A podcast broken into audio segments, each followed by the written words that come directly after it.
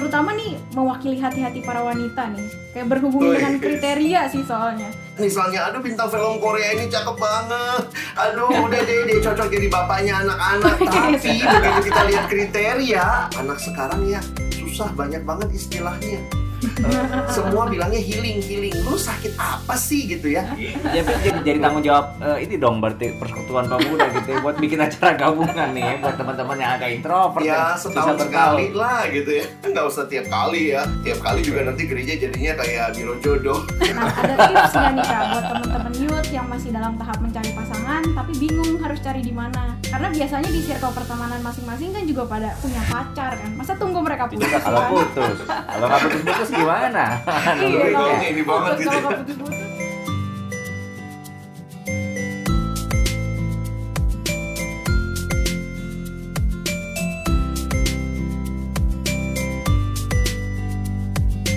Hello Poyowers, jumpa lagi dalam Poyo Podcastnya Yud GKBJ Saman Hudi Masih bersama gue Ferry dan kali ini bersama seorang host baru kita dan dia adalah deng deng deng deng deng.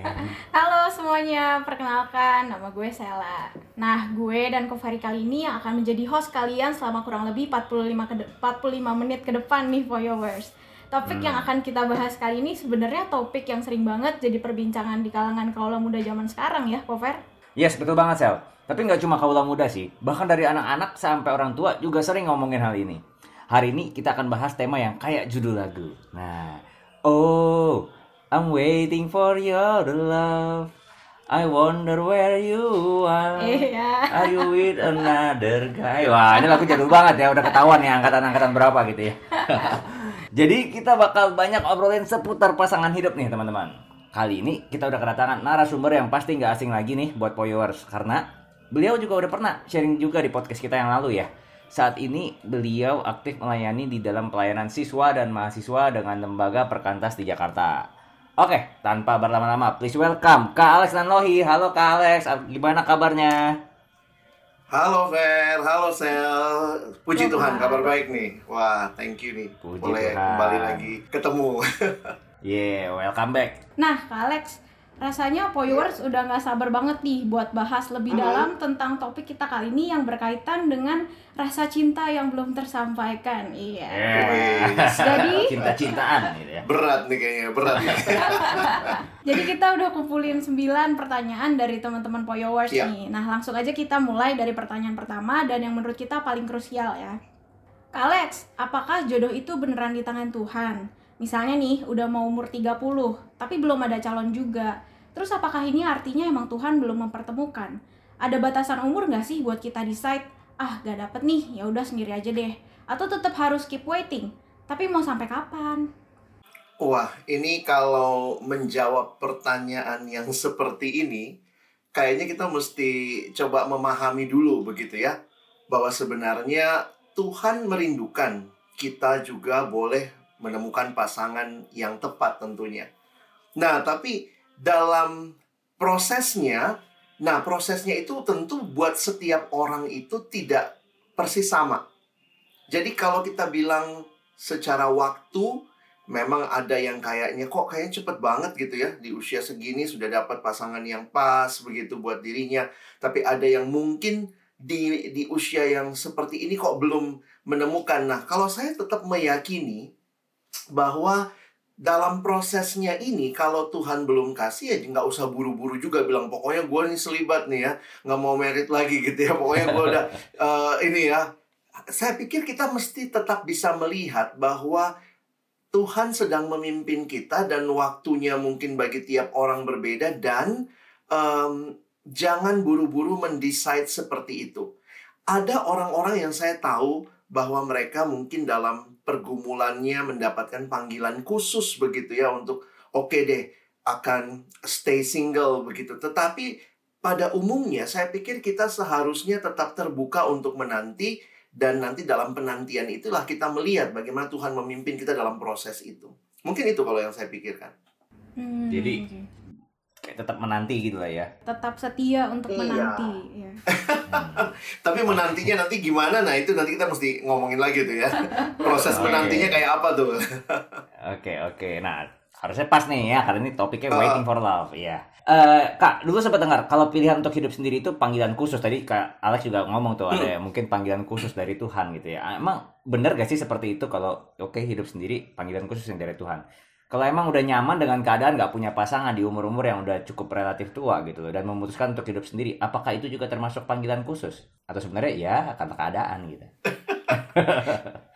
kadang tipis bedanya ya ini lagi desperate nggak nggak dapet dapet gitu ya lalu dalihnya adalah panggilan begitu nah Hmm. tapi dalam satu pembahasan yang pernah saya ikuti bagi saya menarik begini ya pembicaranya mengatakan bahwa kalau kita bicara menikah adalah panggilan maka kalau kita bicara stay single juga harusnya kita bisa melihat begitu ya karena menikah atau single pun itu bukan hal yang di mana menikah tuh lebih tinggi daripada daripada single ya single kesannya kayak lebih rendah derajatnya. Sehingga harusnya dalam setiap pilihan kehidupan kita, entah itu menikah atau tidak menikah, itu menjadi satu hal yang kita gumulkan di hadapan Tuhan sehingga bagi saya itu dua-duanya panggilan. Nah, memang dalam proses Tuhan memimpin seperti yang saya katakan di awal tadi, tiap orang kan prosesnya berbeda. tiap orang situasi kondisinya berbeda.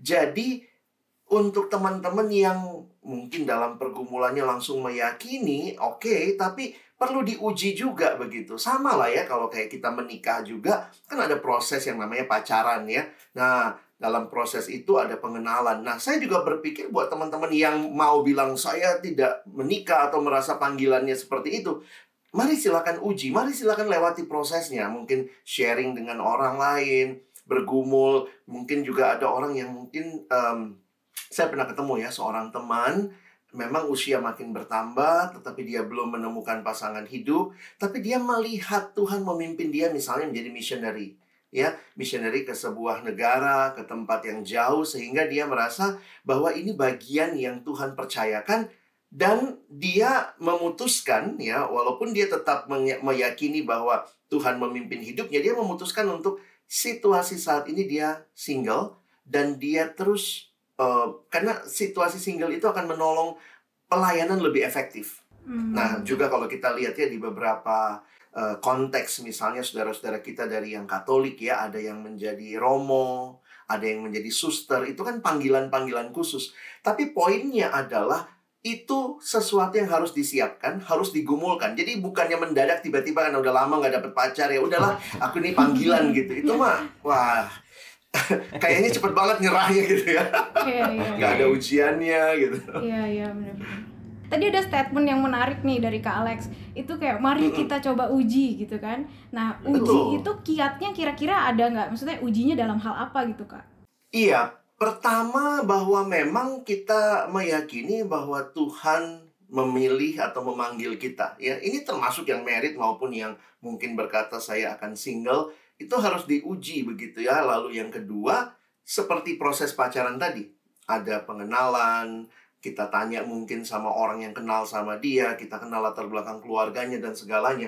Maka saya pikir pilihan-pilihan kita juga misalnya untuk menyatakan saya saya akan tidak menikah atau melayani Tuhan karena karena itulah saya akan lebih mengkhususkan dengan status yang single, maka kita harus bertanya kepada hamba Tuhan, kita harus bertanya kepada orang yang kenal kita, atau kalau mungkin kita berpikir masuk ke sebuah ladang pelayanan di mana kita perlu tahu dong situasi kondisinya seperti apa, apakah kalau menikah atau tidak menikah akan lebih efektif atau tidak. Nah, itu semua bagi saya menjadi batu-batu ujian yang teman-teman harus lewati tuh bersama Hmm. dengan orang-orang yang Tuhan tempatkan paling tidak ya komunitas anak-anak Tuhan yang ada di sekitar kita. Hmm, oke, oke. Ya berarti memang mengujinya salah satu ada salah satunya dengan eh, tanya gitu ya ke sekeliling gitu Betul. orang-orang. Betul. I see. Oke kak, kita lanjut ke next pertanyaan. Pertanyaan ketiga. Kalau kita sedang proses mencari pasangan, tapi circle pertemanan kita kan terbatas nih ya. Teman main dan Hmm. teman gereja ya juga dia dia lagi gitu. di pekerjaan juga agak susah buat cari orang yang sepadan atau kalau bahasa anak zaman now tuh yang sefrekuensi gitu kan.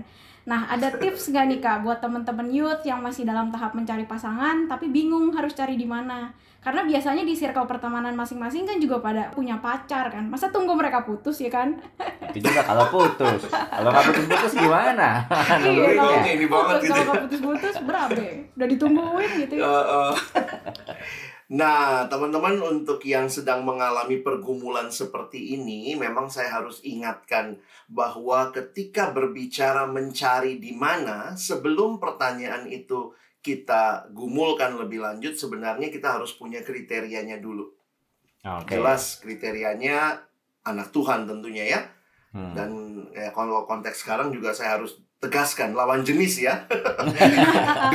Dulu dulu dulu kalau saya bawain LSD pokoknya yang pertama harus seiman. Kedua apa? Kalau sekarang yang pertama lawan jenis dulu. Yang kedua seiman gitu ya. Jangan seiman tapi sama jenis gitu ya. Nah poinnya adalah kalau kita bicara se- seiman maka teman-teman harus terbuka bahwa tempat mencarinya akan lebih spesifik dong Oke. Bukan Hmm. berarti kita tidak bisa ketemu seperti itu yang seiman eh, di tempat-tempat yang lain, tapi secara logis saja. Apakah kita cari yang seiman? Seimannya juga bukan hanya seiman, tetapi dia bertumbuh di dalam imannya, dia kenal Tuhan, kita juga rindu orang yang melayani, begitu ya. Maka kira-kira apakah kita carinya di diskotik? Hmm. Hmm, Ya, betul. sekali lagi saya tidak membatasi kuasa Tuhan. Bisa saja Tuhan hadirkan di diskotik begitu ya. Tapi secara logis aja gitu ya. Makanya kenapa kalau kita bicara mencarinya di mana, saya bilang dulu, kamu punya standar dan kriteria siapa yang dicari nggak? Nah, kalau demikian maka kita akan menspesifikkan mencari di mana. Ya, nah Hmm. mencari di mananya ini ya pergumulan yang saya pikir juga tadi kayaknya udah disebutin semua ya di gereja di ini nggak ada semua gitu ya aduh gimana ya Iya, iya. nunggu putus juga kayaknya eh, jahat banget gitu ya Bener, doain orang. Iya, iya. doain iya. orang ya tapi saya pikir kita tetap meyakini ya kalau Tuhan menyediakan tetapi juga Tuhan memberi kesempatan buat kita memperluas pergaulan kita. Saya pikir itu juga hal yang harus kita lakukan bersama-sama. Misalnya, apakah mungkin dari gereja cabang kita? Makanya acara-acara youth digabung dong gitu ya, ajak yang dari dari eh, pos atau apa Hmm. gitu ya. Hmm. Terus ada gereja tetangga di sebelah setahun sekali bikin acara bareng begitu ya. Jadi sebenarnya saya me- melihat bahwa perlu juga ya kita punya eh, usaha-usaha yang intensional Hmm. untuk membangun pergaulan yang lebih luas.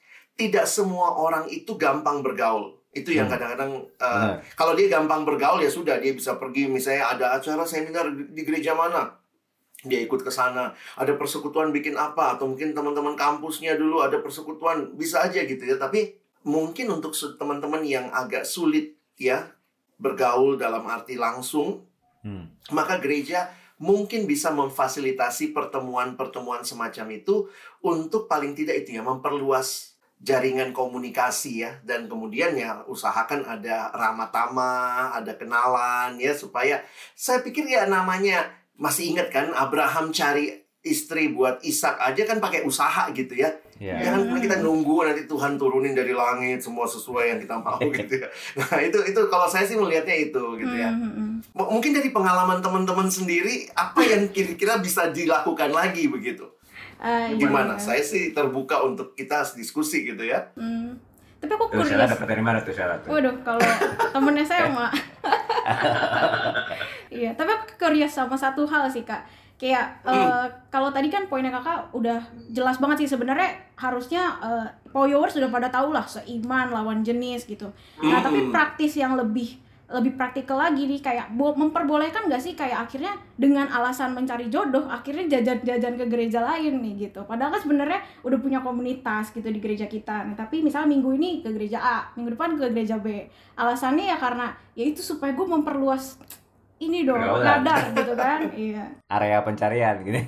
kayak gimana tuh kalau menurut kalau saya makanya tidak terlalu merekomendasi hal seperti itu saya lebih baik eh, youth di gereja ini mengadakan acara bersama dengan youth di gereja lain Karena kalau tidak, teman-teman juga jadinya tidak punya tempat berakar ya. Kita nggak ada tempat di mana kita berakar dalam, kita jadi orang yang melayani. Kita hanya uh, lompat-lompat sana sini hanya demi mencari uh, pasangan hidup. Padahal kan ibadah adalah satu tujuan utama tentunya berjumpa dengan Allah dan memang juga berjumpa dengan sesama tapi jangan kemudian demi berjumpa sesama maka kita yang eh, pindah-pindah itu saya pikir sih itu nggak nggak bijak ya Mhm. nah itu yang saya harus soroti juga supaya jangan sampai begitu karena apakah teman-teman cuman ke gereja nyari pasangan saya pikir sih nggak nggak seperti itu ya Hmm, Hmm. betul betul. Jadi perlu dicek juga nih motivasinya gitu ya. betul Betul betul. Jadi nggak nggak ya nggak perlu jajan-jajan ke gereja-gereja lain gitu ya. Jadi jadi jadi tanggung jawab eh, ini dong berarti persekutuan pemuda gitu ya buat bikin acara gabungan nih ya buat teman-teman yang agak introvert ya dan susah setahun bergaul. sekali lah gitu ya nggak usah tiap kali ya tiap kali juga Oke. nanti gereja jadinya kayak biro jodoh Oke, mumpung belum raker nih ya, ya Oce ya nanti kita pikirin tuh di dalam raker tuh. oke. iya iya Nih, contoh nih Kak, ada contoh. Kalau sekarang nih lagi ada kondisi Iya. nyaman dengan singleness. Belum kepikiran buat cari pasangan. Tapi sebenarnya masih ada keinginan punya pasangan, tapi nanti-nanti aja deh mungkin karena lagi nyaman sendiri gitu. Tapi satu sisi ya teman-teman main semua juga udah pada punya pasangan masing-masing, jadi kok rasanya lonely juga ya gitu. Bingung juga mau PDKT ke lawan jenis. Nah, tips-tips nih buat buat teman-teman yang masih ngerasa galau akan hal yang kayak gini. Gimana tuh? saya harus bilang dulu ya mungkin kalau nggak tadi Ferry sebutin soal kesepian ingat kesepian bisa terjadi sama setiap kita mau kamu Hmm. punya pasangan maupun tidak punya pasangan kamu dan saya tidak lepas dari eh, pergumulan tentang kesepian nah karena itu itu bahasan yang lain ya karena Hmm. itu juga jangan merasa bahwa kalau nanti saya punya pasangan saya nggak bakal kesepian karena akhirnya kalau kita cari lebih dalam lagi di dalam lubuk hati yang terdalam, memang apa yang Alkitab katakan cuma Tuhan kok yang bisa memuaskan diri kita dan kesepian kita. Dialah satu-satunya yang selalu ada dan kekal buat kita. Mungkin kelihatannya abstrak ya, makanya banyak orang yang merasa ya udah gue cari pasangan deh biar nggak sepi gitu. Nah, jadi saya harus eh, clearkan dulu bahwa hati-hati hanya mencari pasangan supaya nggak sepi Hmm. tapi kita harus benar-benar ketemu dengan Tuhan dan akhirnya kemudian kita penuh dengan Tuhan barukah kemudian kita juga bisa menjadi orang yang berbagi kepada orang lain. Nah, Hmm. kalau ditanya tentang gimana nih, gue masih masih nyaman-nyaman am- aja single gitu ya. Teman-teman tetap harus melihat begitu ya. Namanya kebutuhan, kebutuhan yang Tuhan berikan juga dalam hidup termasuk kebutuhan untuk eh, memiliki pasangan. Jadi saya tetap menempatkan itu di dalam sebuah list yang namanya kebutuhan. Dan kalau kebutuhan, maka saya pikir sikap yang lebih tepat. Sikap yang lebih tepat bukan gue lagi nyaman nih, tetapi saya terbuka. Ya, saya tidak menutup diri karena kalau udah bilang saya lagi nyaman nih, kayaknya nggak nggak butuh-butuh amat begitu ya Hmm. maka kita jadi orang yang kayak tidak terbuka gitu ya. Padahal sebenarnya karena ini kebutuhan, siapa tahu Tuhan juga membukakan kepada kita melalui banyak kesempatan. Jadi jangan sampai nanti di usia tertentu terus ngomong Tuhan mana kok nggak dikasih. Terus mungkin kalau Tuhan mau bicara kepada kita dulu begitu banyak yang di sekitarmu kamu ngerasa nggak butuh begitu ya. Hmm. Jadi kita tetap harus punya sikap hati yang karena ini adalah sesuatu yang Tuhan berikan sebagai kebutuhan kita bahkan di dalamnya kalau kita nanti ini ya ko- konseling pranikah di gereja tuh dikasih Hmm. tahu bahwa tujuan akhirnya membentuk keluarga juga menggenapkan mandat Tuhan untuk memenuhi bumi, Hmm. memelihara alam ini, maka sebenarnya kita harusnya serius memikirkan Hmm. untuk eh, kondisi apa terbuka untuk akan menikah, saya pikir atau untuk akan berpasangan. Hmm. Ngomong-ngomong tentang kesepian yang tadi Kak Alex udah mention ya, pas banget nih Kak. Jadi teman kita nih ada yang udah pernah baca satu buku judulnya Lady in Waiting. Nah, di dalam buku itu Oh, tuh oke. pernah dibahas seharusnya menjadi single tidak membuat hati kita menjadi kosong. Karena Tuhanlah yang Hmm. sebenarnya mengisi hati kita. Jadi apakah salah kalau kita masih merasa kosong walaupun kita tahu kalau seharusnya Tuhanlah yang mengisi hati kita? Nah, gimana tuh? Nah, ini sebenarnya kalau kita bicara tentang awal Allah menciptakan manusia, Memang ada beberapa tafsiran ya, tapi saya secara pribadi meyakini bahwa em, kesepian yang dimaksud di dalam Alkitab, karena kan Tuhan sendiri yang bilang ya, tidak baik kalau manusia itu seorang diri. Maka pertanyaannya, apakah Adam kesepian? Hmm, ini kalau kita mau bicara teologis ya, Hmm. Adam kesepian nggak? Nah, beberapa orang bilang Adam kesepian, ada yang bilang enggak, kesepian itu setelah jatuh dalam dosa baru kesepian begitu. Hmm. Poin saya adalah mem- makanya saya tadi menempatkan memiliki pasangan itu kebutuhan. Hmm. Nah, itu sebelum jatuh dalam dosa, Adam pun membutuhkan pasangan. Jadi membutuhkan pasangan itu bukan karena berdosa, akhirnya dia butuh pasangan. Tapi itu rancangan awalnya Allah. Kita membutuhkan orang lain dan yang paling dekat, yang paling intim adalah membutuhkan pasangan. Nah, di dalam bicara kesepian lebih jauh lagi, itu adalah eh, saya menempatkannya sebagai eh, efek dari dosa. Dosa itu membuat apa yang harusnya kita dapat penuh dari Allah, kita rasanya tidak mendapatkan itu. Atau kita merasa kayak, ya kayak orang ini ya. Kita ngisi hidup kita sama berbagai hal, kayak orang lagi kehausan lalu minum air laut. Makin minum, bukannya Makin makin, haus. Iya, makin haus jadinya.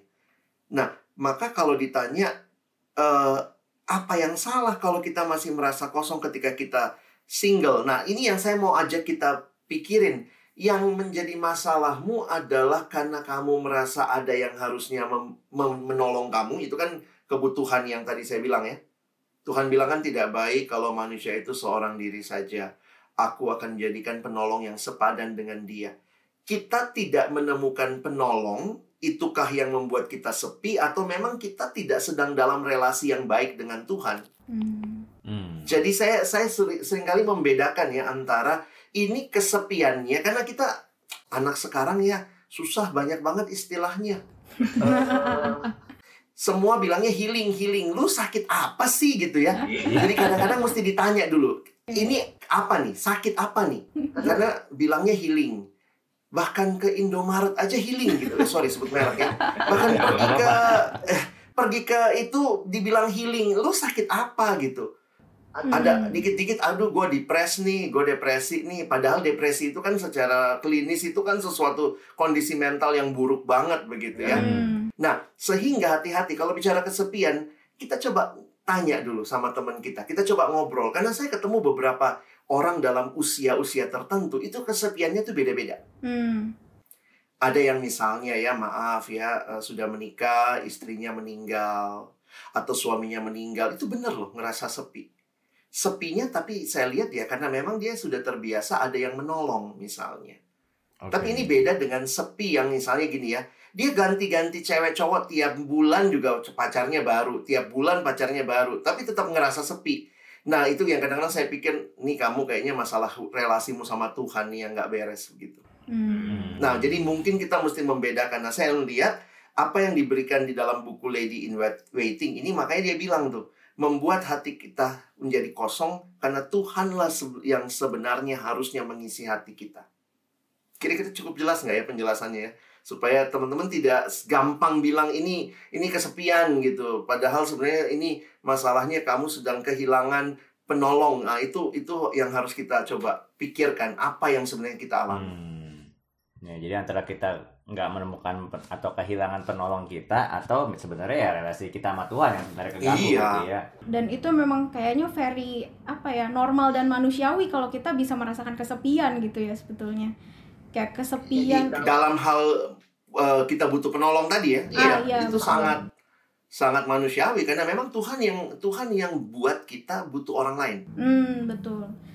Makhluk Mm-mm. sosial balik lagi ya. makhluk sosial. Tuhan nggak ciptain kita sebagai makhluk sehingga kalau kamu menarik diri, makanya saya suka bingung gitu ya. Kenapa orang um, orang yang depresi itu dia tarik diri kan dari sosial, makanya dia akan makin kesepian tuh. Hmm. Makin Hmm. ini ya. Nah banyak yang model gitu ya. Ada ada orang tipe orang beda-beda tuh. Ada yang waktu dia ngalamin sesuatu kayak kura-kura ya kepalanya masuk. Wah dia dengan dirinya pokoknya nggak mau diganggu. Tolong dulu jangan jangan hubungin gua. Terus dia menghilang dua minggu. Kadang kita bingung nih orang kenapa gitu ya. Tapi hati-hati teman-teman yang biasa seperti itu, jangan meng, jangan mengingkari keberadaanmu yang adalah makhluk sosial. Hmm, Hmm, ya ya betul betul. Ya, ada malah jat, malah makin aneh-aneh lagi ya. nggak taunya ngarep ya udah menghi- meng- menghindar pergi dua minggu nggak taunya ngarep dicariin kok nggak nggak ada yang nyariin kok nggak ada yang nyariin itu yang terakhir, itu yang terjadi ya, Fer. Aduh kok gak ada yang nyariin gue. Oke, sekarang kita ngomongin masa penantian nih. Sementara kita dalam masa-masa penantian gitu ya, akan calon pasangan hidup, calon pacar gitu ya. Apa sih yang harus kita Mm. lakuin sih? Masa menanti itu kan sama aja ya dengan baik menanti untuk eh, menikah atau sebelum menikah, maka sebenarnya tetap jalani hidup. Itu sih prinsip umumnya. Ya tetap aja jalani hidup. Orang kan kalau mau persiapan merit emangnya berhenti kerja. Oke. Emangnya berhenti nggak nggak ke mana-mana gitu ya di rumah dipingit biar putihan gitu ya itu mah skincare perawatan aja kamu. Nah sehingga saya harus katakan biasanya untuk teman-teman yang yang sedang dalam masa penantian teruslah kembangkan dirimu, teruslah jadi pribadi yang akan siap pada waktunya kalau Tuhan berikan pasangan. Hmm. satu kalimat yang saya selalu ingat begitu ya bahwa kita tidak hanya mencari orang yang tepat menjadi teman hidup kita. Itu kadang-kadang terlalu egois. Saya kaget juga waktu mendengar ini ya. Kalau kamu cuman mencari eh, pribadi yang yang pas yang cocok untuk teman hidupmu kamu sebenarnya sangat egois Hmm. Harusnya yang kita siapkan adalah saya harus siap menjadi pasangan hidup yang baik bagi orang yang Tuhan akan pertemukan dengan saya. Jadi ketimbang sibuk menuntut cari nih, yang mana nih yang pas nih, yang mana yang pas. Tapi jangan sampai kita sendiri nggak kembangkan diri kita. Mungkin kita tipenya pemarah, apakah kita bisa lebih sabar? Hmm. dalam masa-masa penantian yang kita misalnya tidak tidak telaten. Mari kita belajar lebih telaten dalam masa penantian sehingga waktu Tuhan memberikan pasangan, maka itu menjadi cara Tuhan menolong kamu juga yang sudah semakin dibentuk begitu. Hmm. Saya pikir itu sih ya. Jangan cuma nuntut orang lain yang baik. Kamu, saya mau dapat orang baik, tapi kamu sudah jadi orang baik nggak? Supaya kalau ada yang Tuhan pertemukan ya kamu siap. Hmm. Hmm. Yes. Good point banget sih. Ya, jadi daripada oh ya betul ya. Nggak cuma bikin kriteria buat pasangannya itu tapi juga kita juga at least memenuhi gitu ya kriteria-kriteria yang Itu. mungkin orang bikin buat kita gitu ya. Betul. Iya iya iya. itu itu yang itu yang saya pikir Fer ya. Hmm. Kan kenapa ya kita dari dulu ya, saya juga ada waktu dibina dulu diajarin bikin kriteria. Hmm. Bener sih ya, bikin Iya, kriteria iya. ini itu ya. Tapi kita tuh nggak pernah disuruh coba bikin kriteria dirimu yang baik untuk orang lain gitu ya. Hmm. Balik Sehingga gitu kita ya. kayak bisa bikin CV ya, nanti tinggal kita tawarin lu mau nggak? ini gue kayak gini. gitu ya. Eh, dalam hal ini gue udah bagus nih, dalam hal ini gue udah bagus nih. Gitu. Ya, Dalam hal ini gue masih minus nih gitu ya. Iya iya iya iya. iya. Tapi ini pas banget sih udah apa namanya eh, mewakili juga ada pertanyaan dari terutama nih mewakili hati-hati para wanita nih kayak berhubungan Wih. dengan kriteria sih soalnya. Kayak tapi kak masa masa nggak boleh gitu kan minta yang spesifik sama Tuhan kayak punya mau punya pasangan yang seperti apa kriterianya Mm-mm. bagaimana. Nah bagaimana nih kalau menurut kak Alex? saya nggak melarang juga ya namanya dari dulu juga kita dibinanya biasanya disuruh bikin kriteria kan karena maksudnya gini kriteria itu paling tidak akan menolong kita waktu lihat. Misalnya aduh bintang film Korea ini cakep banget.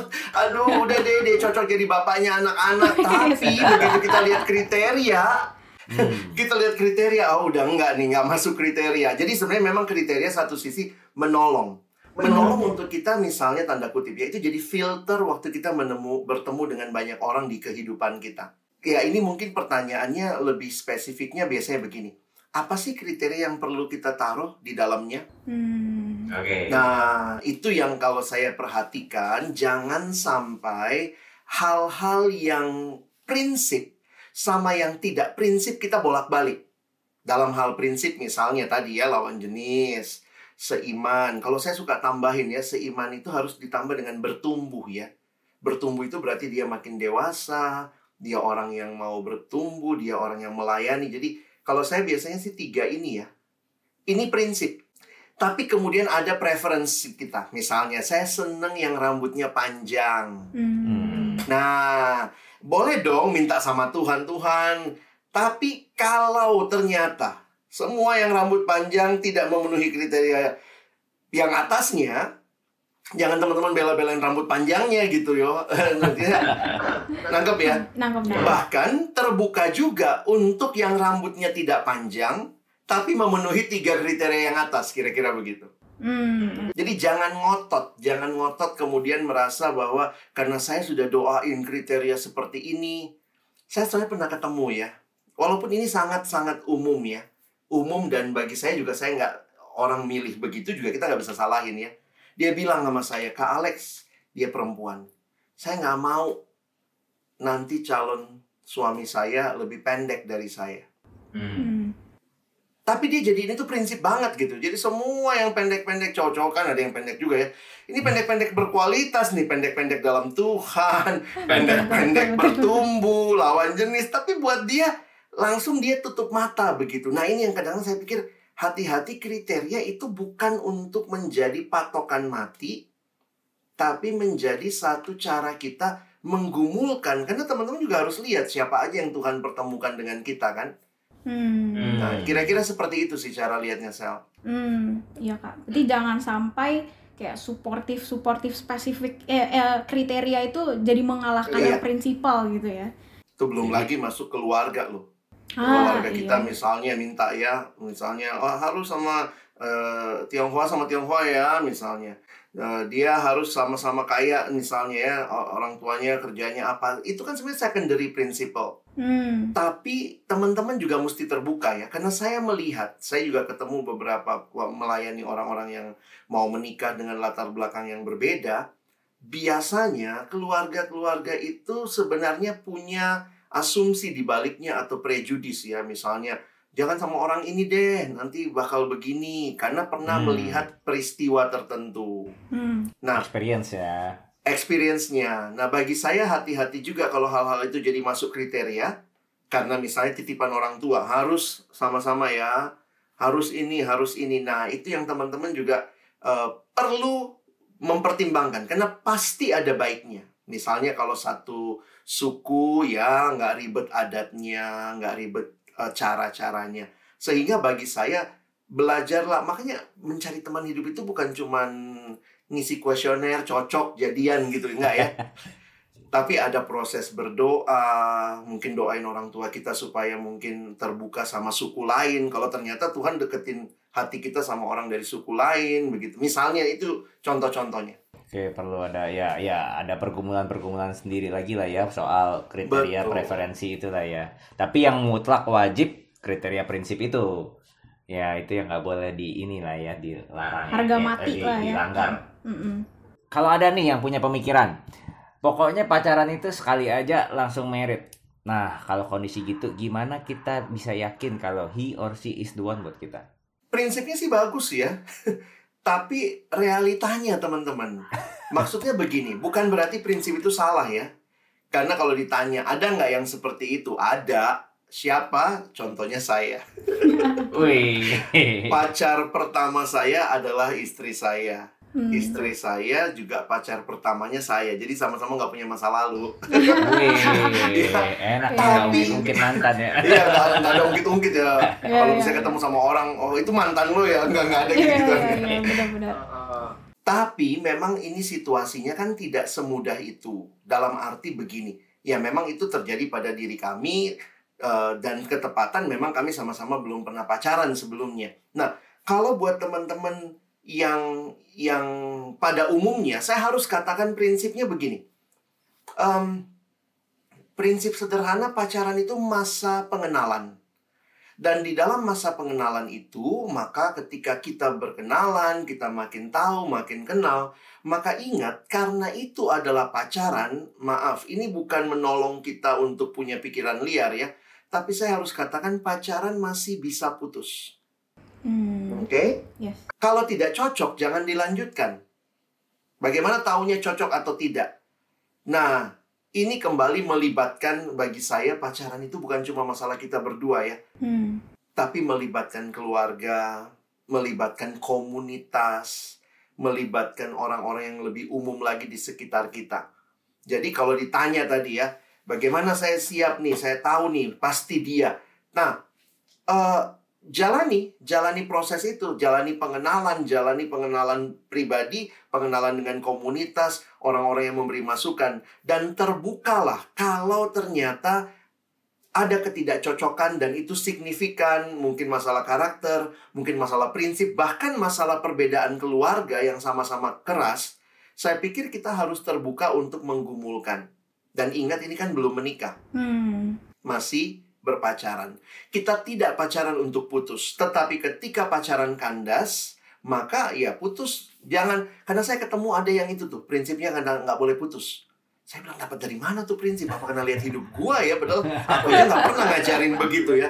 Dalam arti begini, kalau dijalani nggak cocok, ini maaf ya saya cerita eh, karena kasusnya sudah lama dan poinnya adalah dia dapat KDRT, perlakuan KDRT dalam pacar eh dalam pacaran KDR P.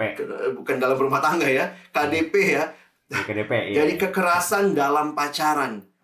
Dia Hmm. ditendang, pernah di ini perempuannya pernah ditendang, Oh, pernah didorong dari motor, dijatuhin gitu ya. ya. Hmm. Terus eh, beberapa kali dimaki-maki dia tunjukin WA-nya ke saya. Waktu itu bukan WA ya, SMS. Wah, itu pakai kebun binatang. Terus teman-teman, cewek ini dong dengan polosnya. Saya bukan bilang ceweknya ini ya. Dia bilangnya begini. Tapi kan nggak boleh putus Kak Alex. Hah? Nggak boleh putus? Emang lu udah merit? Enggak sih Kak. Tapi kan waktu pacaran awalnya kami sama-sama bergumul dalam Tuhan. Jadi nggak bisa putus dong. Saya bilang nggak bisa ini. Ini udah harus putus. Maaf, saya sebagai konselor, saya bilang kamu harus putus. Kenapa? Ketika masih pacaran saja dia berani seperti itu. Hmm. Maka dalam pernikahan kalau dia tidak ditolong, saran saya cuma satu putus. Atau maaf, putus aja dulu supaya kamu nggak makin ini, dia ditolong. Kalau ternyata dia makin baik, kalian bisa balik lagi. Jadi jangan hati-hati dengan alasan dulu kan kami berdoa bersama-sama. Itu bukan alasan untuk tetap mempertahankan. Lain kalau sudah menikah. Hmm. Makanya ingat, pacaran harus menjadi pacaran yang mengenal dengan baik karena tahap berikutnya adalah pernikahan dan itu yang dalam Kristen kita meyakini tidak boleh diceraikan manusia. Hmm. Nah, itu kira-kira pengalaman-pengalaman yang saya pernah eh, tangani begitu ya. Hmm. Jadi putus boleh lah ya dilihat tapi ya eh, kalau memang masa perkenalan lebih dekatnya ternyata justru memberatkan ya lebih better putus gitu ya daripada dipaksain. Betul. gitu ya. Betul. Iya betul betul. Kadang kalau cewek itu soalnya mungkin ya salah satu reason kenapa cewek tuh nggak mau putus kalau pacaran kayak udah kebuang waktu atau udah terlanjur sayang kan banyak Hmm. tuh cewek yang aduh udah udah udah lama nih kayak apalagi ngejar merit kan umur gitu Mm-mm. biasa cewek sih kalau yang lebih bertahan mempertahankan hubungan pacaran gitu ya pengalaman Ya, tapi ingat, salah memilih, maka kamu suffer seumur hidup. Hmm. Hmm. Makanya saya pikir begini ya, dalam generasi sekarang kalau kita bicara tentang konseling, konseling itu bukan hanya untuk orang yang bermasalah. Jadi banyak eh, orang-orang muda yang pacaran sekarang mengikuti proses konseling. Saya pikir itu baik. Karena konseling itu kan sebuah ilmu yang dikembangkan untuk juga menolong ya. Sehingga ada hal-hal yang kita bisa minimalisasi sebelum nak masuk pernikahan. Makanya kenal, waktu mungkin ada assessment dia ngisi gitu ya. Lalu kemudian kita jadi tahu oh dia sebenarnya pemarah. Karena waktu pacaran itu kan semua kelihatan indah ya. Hmm, betul. Mau, mau marah pun diatur begitu ya. Tapi bagaimana kalau dia marah? Bagaimana? Karena itu mesti dilihat dia di rumah bagaimana? Dia marah ke keluarganya seperti apa? Dia memperlakukan orang tuanya seperti apa? Nah masa-masa itu harus dilalui nih. Karena abis itu ya kita seumur hidup bersama dengan dia kalau kita memilih menikah dalam hal ini kebetulan kita sama kak Alex aku juga sama aku juga merit dengan pacar pertama dan terakhir iya Wah, asik ya. Ada ini ya. iya Walaupun ingat ya, saya kita mungkin juga ada orang lain yang seperti kita, tapi sebenarnya banyak kali tidak umum ya. Iya, Bahkan nggak masalah gitu ya. Jangan sampai takut putus karena katanya eh, Kak Alex, Cisela, hidupnya begitu. iya iya betul betul setuju setuju tapi ngerti sih eh, privilege lah ya kalau orang-orang yang pertama Betul. kali dan terakhir merit kalau lihat sosmed ngomongin mantan kita nggak relate Iya. bisa betul betul iya iya Mantap nih orang ya. nah, eh, jadi kalau aku boleh ya kayak ini simpul-simpulin dikit. Jadi buat tentuin apakah dia atau bukan yang tepat buat kita ya. So, perkenalannya harus detail dalam banget gitu ya. Dan kalau emang udah pengen pacaran ya, itu pacaran itu dipakai untuk pengenalan lebih lanjut gitu ya. Libatin Mm-mm. keluarga, teman, komunitas gitu ya. Tapi misalkan ya kalau ada apa ya misalkan eh, ada ada yang setuju, ada yang enggak ya kita ya lihat lagi kalau teman-teman pada begitu ya berarti dari keluarga, dari keluarga kayak gimana gitu ya, dari dari tempat yang lain gimana gitu ya dan benar-benar disaring. Soalnya tadi katanya kalau salah memilih suffer seumur hidup ya. Wah, itu benar-benar harus diperhatiin banget ya. Hmm. Berarti untuk hal ini. Nah, Ada yang sampai bilang gini kali Fer ya, ini mungkin kesimpulan yang bisa kita ambil tapi bukan berarti pesimis. Saya tidak pesimis dengan pernikahan karena saya tetap meyakini pernikahan itu banyak berkat Tuhan dan kebahagiaan yang Tuhan berikan di dalamnya. Tetapi setelah menangani banyak orang yang se seenaknya saja berpacaran tanpa tanpa benar-benar misalnya menjaga kekudusan atau cari orang yang tepat, tidak terjadi pengenalan, maka ada kalimat yang mengatakan begini, lebih baik tidak menikah daripada menikah dengan orang yang salah. Hmm. Ya. Yes. Jadi balik lagi kalimat itu tidak membuat kita ya udah nggak usah merit dah pilih yang pertamanya aja gitu. Karena saya tetap meyakini kalau kita melewati proses Tuhan berikan orang yang tepat kita kenal dia dengan baik maka pernikahan menjadi cara Tuhan memberkati umatnya dan gerejanya ya. Saya pikir itu harus kita ingat. Nah, pas banget juga nih eh, karena topiknya udah kayak apa ya, kapan harus melanjutkan, kapan harus enggak. Nah, ini pertanyaan terakhir kita juga. Misalnya nih ada followers yang bucin banget gitu. Kayak mungkin takut expired kayak susu kaleng. Jadi buru-buru gitu ambil keputusan pacaran atau menikah sama seseorang gitu. Kira-kira ada dampak negatifnya nggak ke Alex? saya tidak cerita kasus spesifik ya karena itu adalah eh, etika konseling ya tapi saya menemukan dalam banyak konseling eh, orang-orang yang kemudian menyesali pernikahannya. hmm, Nah, di situ saya melihat bahwa ternyata ya banyak faktor sih ya, banyak faktor. Ada yang mungkin menikah hanya dengan orang yang hanya Kristen. Dulu juga kan saya bilang tadi ya, pokoknya harus seiman lawan jenis. Tapi saya sekarang nambahin bertumbuh juga gitu. Makin sulit lah kak nyarinya begitu ya. Karena akhirnya saya ketemu ada orang yang dulu sangat aktif, menikah dengan orang yang hanya Kristen, malah makin jauh dari gereja, ketika pelayanan ya begitu waktu pacaran saya sebenarnya udah lihat ya kalau pacaran dia pelayanan pacarnya tunggu di mobil di bawah gitu ya. Kok nggak ikut Hmm. masuk gitu ya. Bukan jadi memang dia ke gereja tapi ternyata tidak jadi bagian dari jemaat Tuhan tidak jadi bagian dalam pelayanan Tuhan. Setelah menikah malah tidak tidak mendorong istrinya melayani atau suaminya melayani. Nah itu juga terjadi. Nah, jadi kalau misalnya tadi eh, pertanyaannya bagaimana ini ya eh, kita melihat pernikahan dan menyiapkannya, saya pikir kita perlu serius dengan kriteria yang ada. Kita perlu dewasa di dalam Tuhan juga untuk eh, tidak buru-buru begitu ya. Eh, ada yang bilang gini, ini udah mau expired nih ya, udahlah merit aja. Apakah merit untuk bahagia? Saya pikir justru kena beberapa kasus yang saya pernah tangani, justru meritnya nggak bahagia gitu. Itu udah kayak maaf kata ya.